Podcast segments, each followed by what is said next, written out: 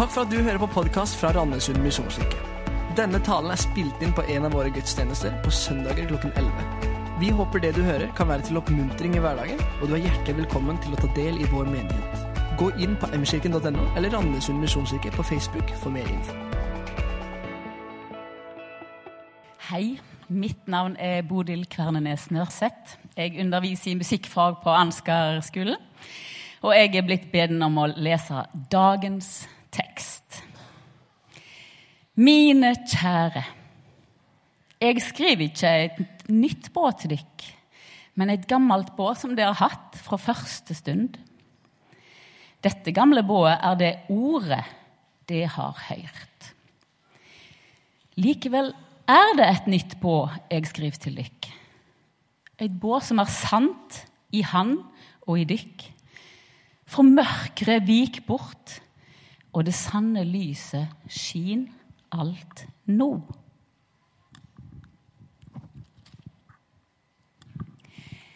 Den som sier at han er i lyset, men hater bror sin, er ennå i mørket. Den som elsker bror sin, blir værende i lyset og fører ingen til fall. Men den som hater bror sin, er i mørket og vandrer i mørket. Han veit ikke hvor han går, for mørket har blinda øynene hans. Slik lyder Herrens ord.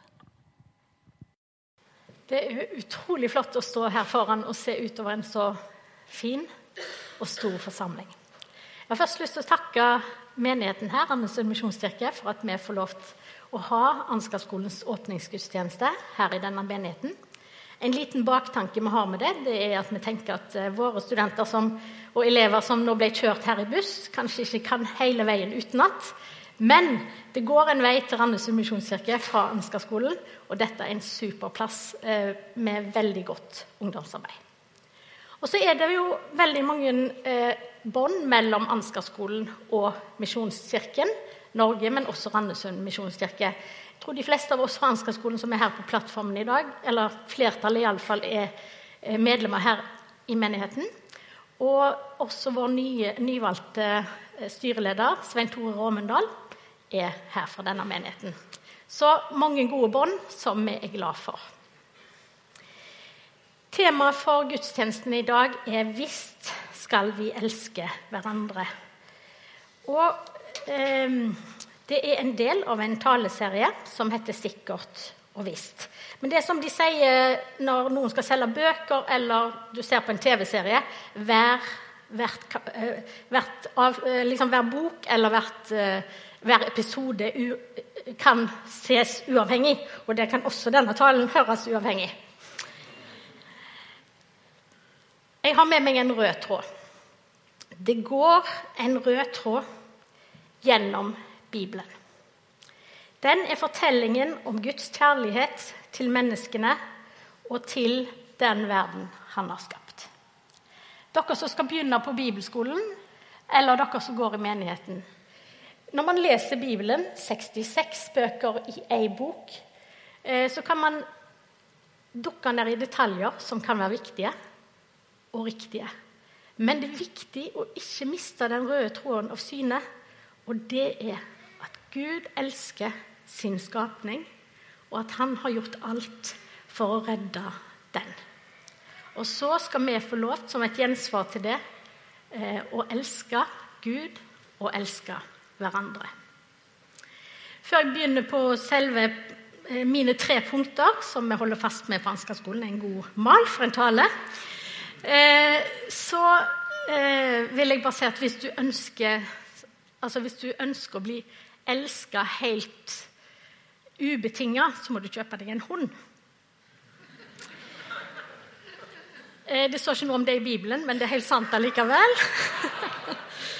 Vi har en hund hjemme, og når man kommer hjem til hunden, så er han glad altså, det, er sånn, det er ikke fortjent i det hele tatt, men han logrer, han ser på deg med store hundeøyne, og man er ubetinga elsker. Så det var bare et tips.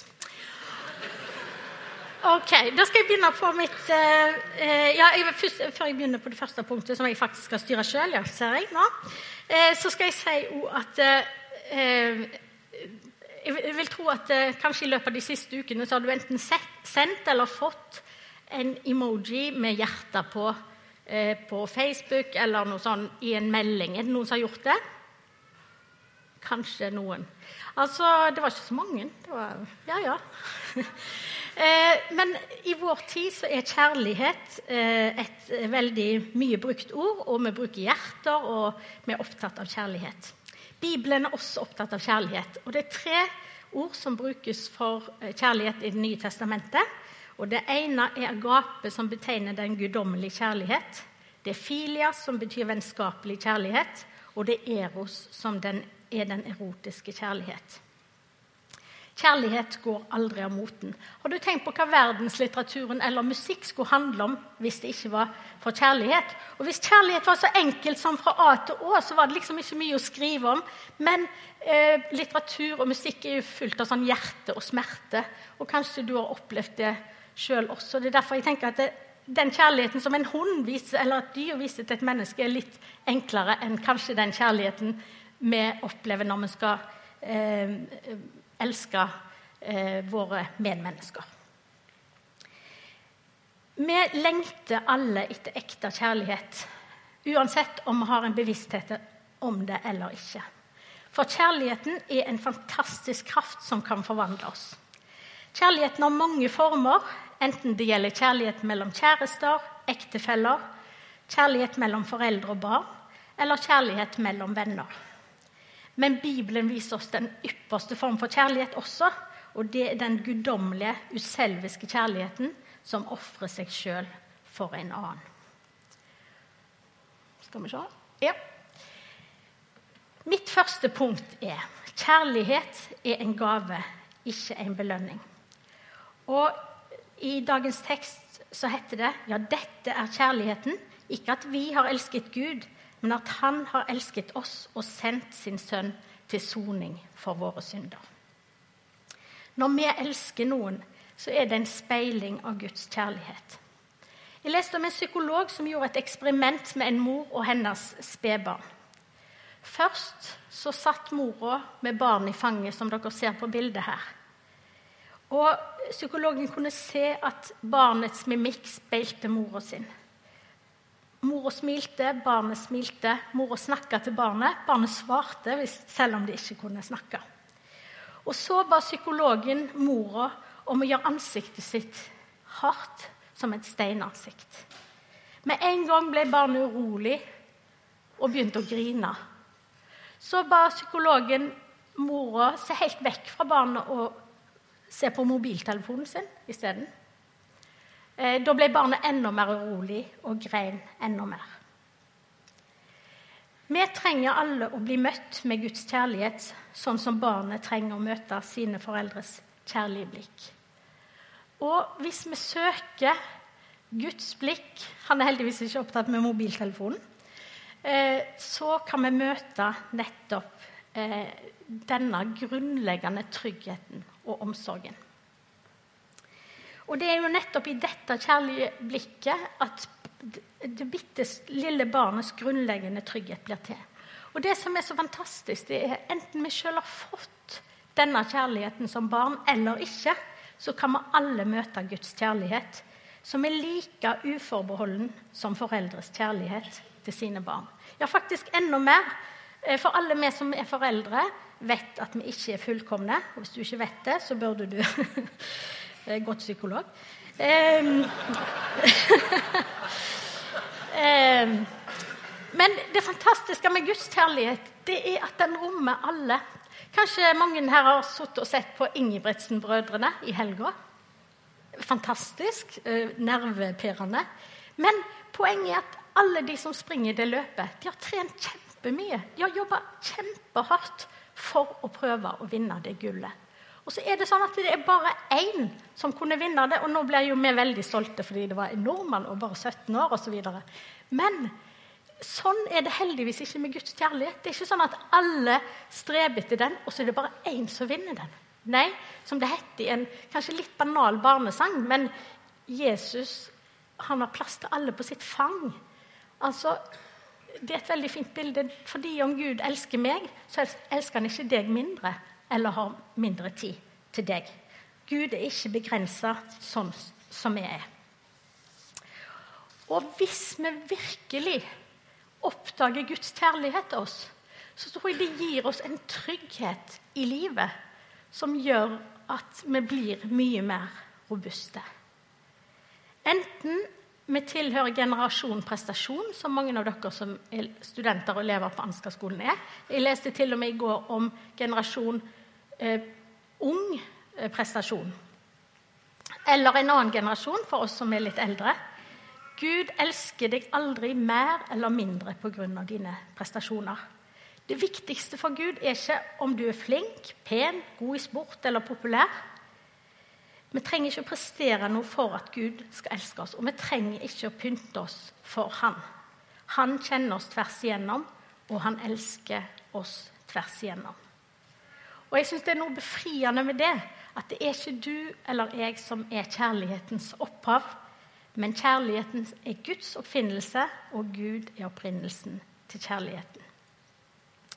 Jeg vet ikke om du noen gang har tenkt på at fargen på havet Skal vi se om jeg får det til? Sånn. Fargen på havet er en speiling av fargen på himmelen.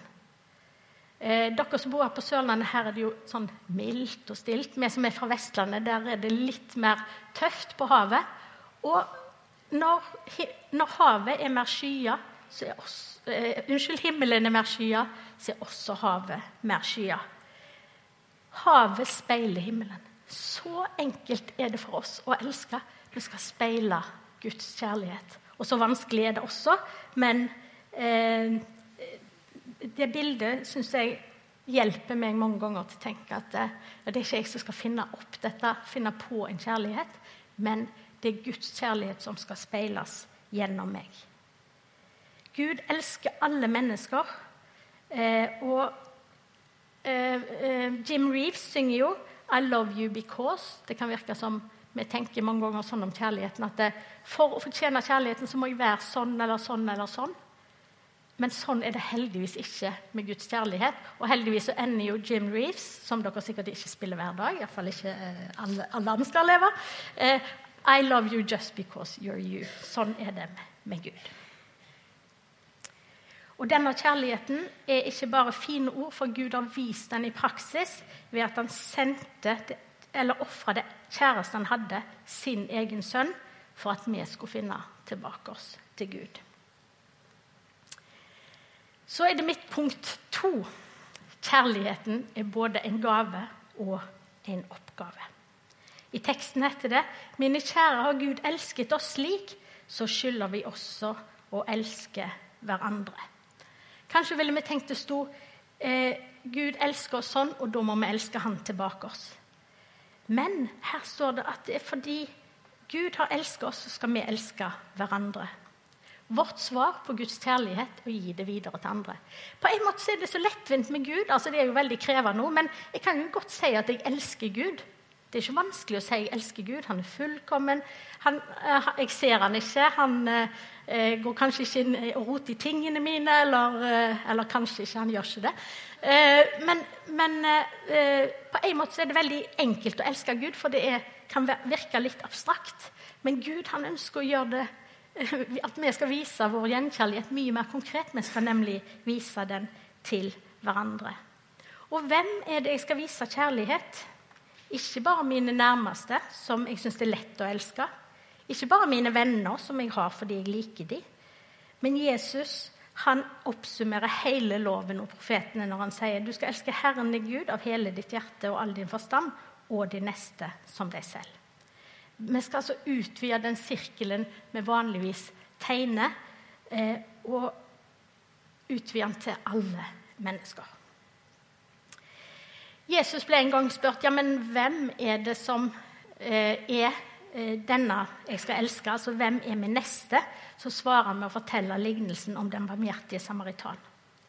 Min neste er andre mennesker. Ikke bare de jeg liker, ikke bare de jeg kjenner, men alle mennesker som kommer i min vei. Og det kan jo være sånn i min vei, gående. men det kan være mennesker jeg leser om. Eh, vår verden er jo sånn at vi har til, tilgang til hele, hele verden på en gang. Så det kan være at Gud vil at jeg skal rekke min hånd ut til noen som lider i en annen verdensdel. Så det er ikke bare de med fysisk møte, men alle som kommer på vår vei. Og Hovedpoenget i denne lignelsen var Jesus spør etterpå hvem var det som viste barmhjertighet? Eller hvem var det som viste seg å være en god neste? Og da svarer eh, denne skriftlærde det var han som viste barmhjertighet. Og det var ikke presten, det var ikke levitten, altså det var ikke de fine titlene eller de rette holdningene. Men det var en samaritan som kom fra et annet folkeslag som israelittene forakta. Og Jesus har to poeng. Min neste, den, den som eh, viser seg å være den neste, det er den som viser barmhjertighet. Og det kan være en helt annen enn det vi tenker oss, både som gir den kjærligheten, og som eh, får den kjærligheten. Eh, jeg har et bilde opp her som eh, kanskje noen av dere er, leser tegneserier. Og dere kjenner sikkert igjen Knøttene. Og i april 1968 så ble Martin Luther King drept i Memphis, USA. En, det, eh, det, var en tid med veldig mye roligheter og, og veldig spent forhold mellom eh, rasene i USA. Og en skolelærer som heter Harriet Glickman, hun var veldig bekymra for hva dette hatet og disse rasemotsetningene gjorde med landet. Så hun skrev et brev til Charles Schultz, som var forfatteren av denne tegneserien. og Den var den mest populære tegneserien i USA. Den var i nesten alle avisene.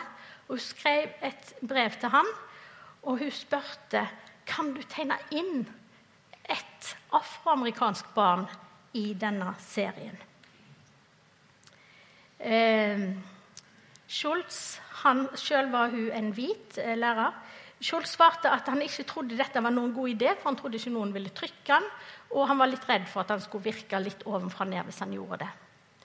Eh, og så skrev hun tilbake, så når han sa det, og så skrev hun tilbake at eh, tillater du at jeg spør mine venner som er afroamerikanere om de syns det er en god idé. Ja, det skulle han gjøre. Og de syntes det var en god idé. Hun skrev tilbake til han. Og så en dag Dette var i, i denne korrespondansen skjedde da vår, på våren. Eh, og så skrev eh, Schultz til henne et brev og sa eh, Se i avisa 29. Eh, da ble karakteren Franklin introdusert i denne serien for første gang. Eh, og eh, det kom masse protester. Det kom også mye oppmuntringer. Men det som var læreren sitt poeng, det var at hun ønska at det skulle vise at det er helt normalt for mennesker som har forskjellig hudfarge, å leke med hverandre. Og hun tenkte at det ville hjelpe situasjonen. Schultz eh, ble, eh, altså ble trua sånn at eh, de sa at vi vil ikke, særlig sørstatsavisene ville ikke trykke tegneserien hvis han fortsatte å ha denne eh, Franklin i tegneserien. Men han sa ok, enten får dere trykke hele tegneserien eller ingen tegneserie. Én person kan endre utrolig mye når en har kjærlighet og omsorg for sine medmennesker. Og I en sang så heter det 'Kjærlighet oppfinnsom gjør Gud vil åpne meg en dør'. Denne statuen er laga av en rumensk kunstner som jeg, jeg, kan nesten ikke uttale navnet, så hvis dere eh, er litt uh, barmhjertige med meg, da, så heter han Albert György. Uh, denne skulpturen heter 'Melankoli'. Eh, og den er laga for å vise hvordan det kan føles å miste et barn. Kjærligheten koster. Dersom vi er glad i noen, så er vi også redde for å miste dem. Og mange mennesker har opplevd å miste den kjæreste de hadde, gjennom død eller fordi kjærligheten ikke varte. Kjærlighet beskytter oss ikke fra sorg eller fra krevende opplevelser, men Guds kjærlighet kan bære oss gjennom når livet er ubarmhjertig eller virker meningsløst.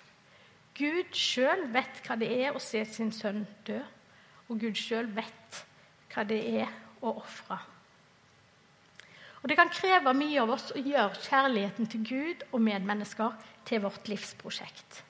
Da blir vi mindre opptatt av detaljerte regler som vi i etterkant kanskje så at det, eh, det handla ikke egentlig om hva Gud ville, men det handler om hvordan min kultur og den tida så det.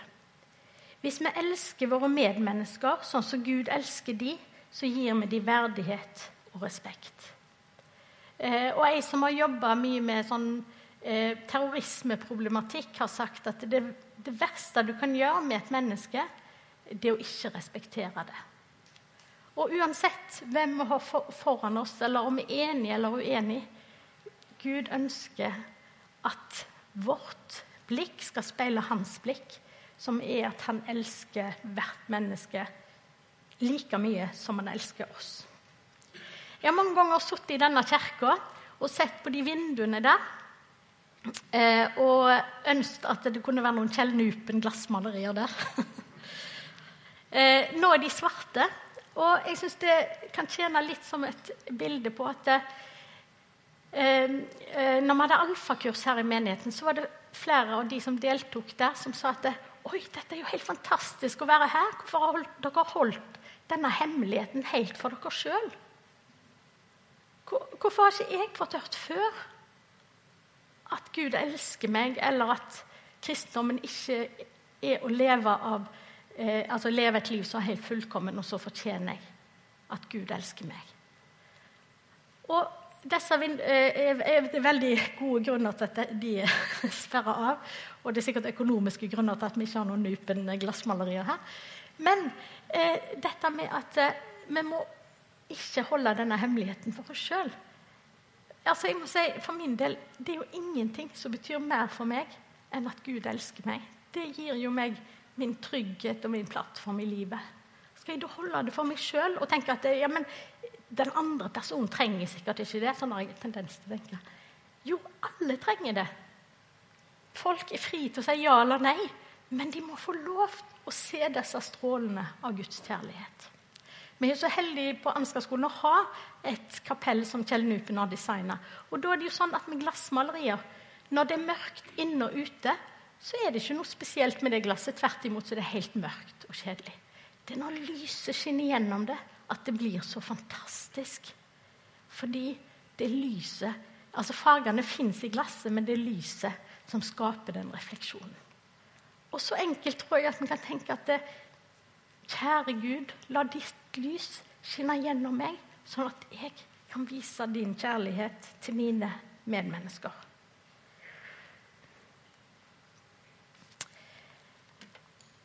Mitt tredje punkt er at kjærligheten gjør Gud synlig i verden. Dette i teksten ingen har noen gang sett Gud, men dersom vi elsker hverandre, blir Gud i oss, og hans kjærlighet er fullendt i oss.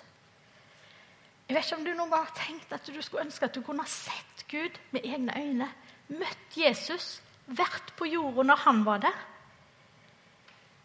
Jeg skulle virkelig ønske noen ganger når man snakker med noen som ikke tror å, Jeg skulle bare ønske at jeg kunne vise det fram. Og det hender jo at vi kristne prøver å forklare og forsvare Gud til de som ikke tror. Noen ganger så tenker vi at dersom vi kunne forklart at Guds eksistens er like logisk og fornuftsmessig som at mennesker finnes, at jorden finnes, at tyngdekraften sørger for at eplet faller ned på jorda istedenfor opp i lufta, da ville alle kunne tro på Gud.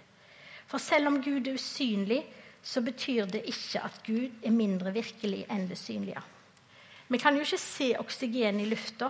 Like fullt er vi avhengig av oksygen hvert eneste sekund og minutt i hele livet. Selv om kristen trosforsvar er viktig, og at eh, vi ikke trenger å si at liksom for å tro på Gud så må du ta ut halvparten av hjernen din eller hele, eh, så eh, viser teksten oss at Gud har kanskje en enda bedre måte for at mennesker skal kunne bli kjent med han, og at han skal bli synlig for dem, nemlig å vise kjærlighet. Kjærlighet er en sterk kraft. Kjærligheten er sterkere enn døden. Eh, kjærligheten berører mennesker, ikke bare i deres fornuft, men vel så mye i deres hjerte. Hvis noen hadde intervjua deg om hvorfor du ble forelska i akkurat den du ble forelska i, hvorfor du elsker eh, din ektefelle eller kjæreste. Eh, det er ikke sikkert vi kunne forklare hvorfor det var akkurat den. Eh, for meg er våre barn eh, de vakreste og flinkeste og kjekkeste i hele verden. Er ikke dere enig i det? Nei, selvfølgelig ikke, fordi dere har jo like kjekke og vakre og flotte barn. Men for meg er de de, de, de vakreste i verden. Så kjærligheten berører jo ikke bare vår fornuft, men den berører vårt hjerte og gir oss en sånn utrolig sterk kjærlighet. Og tenk på at Gud har en sånn kjærlighet til alle oss. Det er jo det som er så fantastisk. Kjærligheten sprenger logikken. Kjærligheten har sterkere virkningskraft enn logikken. Og selv om vi ikke kan se Gud, så kan mennesker få oppleve ham når de får merke hans kjærlighet gjennom oss. Hver jul så leser jeg eller ser på den flotte eh, fortellingen som Lev Tolstoy har skrevet om skomakeren. Og det har sikkert dere òg kanskje sett eller hørt. Om denne skomakeren som sier Kjære Gud, la meg se deg. La meg se deg. Eh, og så sier en stemme til han eh, Jeg skal komme til deg i dag. Jeg skal komme til deg i dag. Og så går dagen. Eh, det kommer et barn og ei kone forbi. barna har ikke sko. Eh, skomakeren inviterer de inn på en kopp te, gir barnet skoen som eh, hans avdøde sønn eh, hadde hatt. Han gir de litt mat. Dagen går videre. Han, han, det kommer en, en, liten gutt som en tyv forbi. Han steller godt med den. Og Sånn møter han flere mennesker. Og om kvelden så, så sier han til Gud jeg er så skuffa fordi du hadde lovt at jeg, du skulle komme til meg i dag, men du kom jo ikke. Eh, og da er jo Guds svar at jo, jeg har vært hos deg i dag. Jeg var der med den kona, jeg var der med det barnet som kom. Og jeg har lyst til å oppfordre oss og utfordre oss til å være litt konkrete.